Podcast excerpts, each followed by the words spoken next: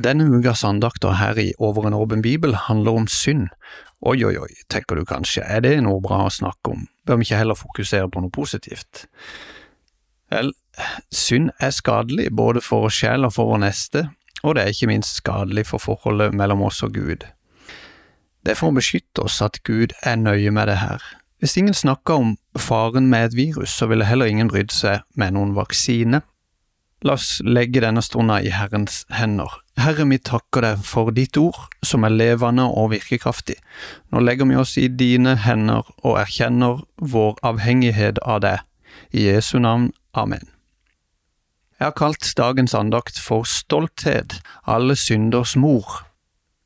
Jeg vil introdusere dagens tema med å si litt om det som kanskje er det tydeligste uttrykket for stolthet i våre dager, nemlig pride-opptogene og den radikale kjønnsideologien som vi ser utfolde seg. Den setter mer og mer sitt preg på samfunnet vårt. Guds gode skaperordninger, det hellige ekteskapet mellom mann og kvinne, det skal ryddes vekk. Og man har på kort tid kommet langt, både politisk og kirkelig. Storsamfunnet ser ut til å ta imot alt som kommer fra den kanten her som god fisk. Såkalt rosa kompetanse tas inn i barnehaver og skoler, og til og med Den norske kirke har på nettsidene sine, under ressurser for opplæring av ungdomsledere, lagt ut flere ressurser fra ungdomsorganisasjonen til FRI, som heter Skeiv Ungdom. Blant annet så anbefaler kirka heftet Skeiv sexhåndbok, som rett og slett er et perverst hefte med ganske grove illustrasjoner av unaturlig sex. Her finner du òg heftet Riv gjerdene, Tittelen taler i grunnen for seg.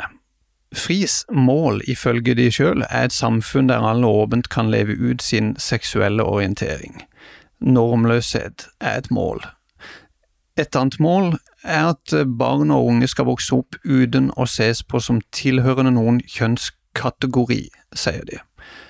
Sånt her blir det virkelig full forvirring av, Ser vi ikke nettopp dette, en økende grad av identitetskriser blant unge, i takt med denne såkalte friheten som man ønsker å oppnå? For hva er frihet? Er det det samme som uh, grenseløshet? Kan virke som mange tror det. Bibelen sier noe annet, vi blir slaver under det Bibelen kaller for synd. Lever vi i urenhet og hor, så blir vi bundet fast i urenhet og hor. Det er som gjørmebonden på stranda, man tror man skal ut og bade og kose seg, men går man ut på feil sted kan man fortsette seg fast og synke dypere og dypere. Først når vi blir løfta opp av Jesus og bundet til Han, så blir vi virkelig fri. Da jeg var liten så lekte jeg mye med drager. Først så lagde jeg mine egne, med pinner og plastikk. Så husker jeg godt den første skikkelige dragen jeg fikk. Vi var i Danmark med familien, Dragen hadde to tau, sånn at jeg kunne styre han fram og tilbake. Han kunne fly høyt og lavt. Så hendte det at tauet røyk. Da falt dragen fort og stygt til bakken. På samme måte er det med oss og Jesus. Når vi er bundet til Han, da er vi virkelig fri. Fri til å utfolde oss, sånn som vi var skapt til det. Men når vi er egenrådige, så er det som når snora til dragen ryker. Jeg har lyst til å trekke fram en bibelhistorie der nettopp stolthet og egenrådighet kommer tydelig til uttrykk. Husker du historien om da Esau solgte førstefødselsretten sin til Jakob, broren sin, for ei skål med suppe? I Første Mosebok 25 står det En gang Jakob holdt på å koke suppe, kom Esau hjem fra marken. Han var sliten.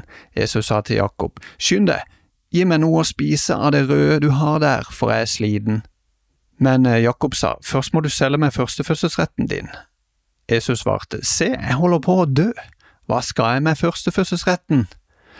Sverg på det først, sa Jakob, så sverga han og solgte førstefødselsretten sin til Jakob.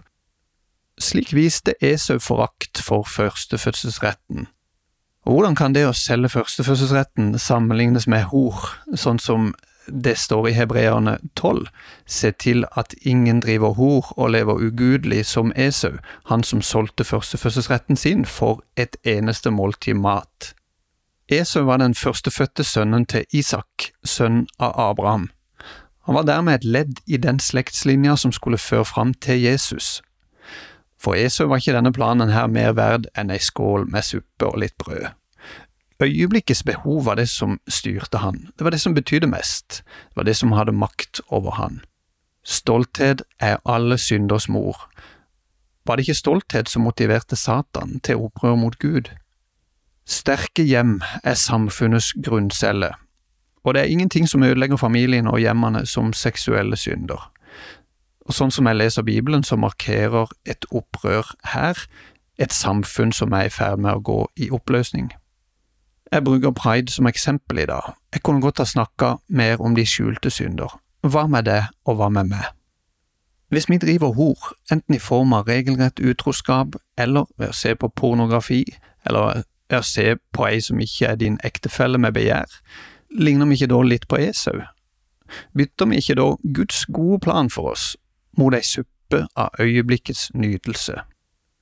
Obadias bok sier om Esau sine handlinger, ditt hovmodige hjerte har forført deg.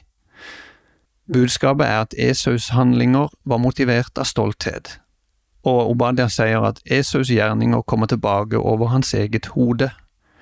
Synden har altså en egen iboende negativ konsekvens. Synden straffer sjel sitt offer, før eller siden. Til slutt vil jeg bruke anledninga til å etterlyse pastorer og kristne ledere som tør å snakke åpent og ærlig om synd, som ikke søker menneskers anerkjennelse, men som tør å være litt upopulære for sannheten. Kulturen rundt oss forkynner at friheten ligger i å gi etter for fristelser. Skal ikke vi kristne forkynne sannheten, nemlig at synd binder oss, men friheten ligger hos Jesus Kristus. Roald Arnesen delte Guds ord med oss denne gang i serien Over en åpen bibel. Den produseres av Norea Mediemisjon. Du finner vårt rikholdige arkiv av andakter på norea.no.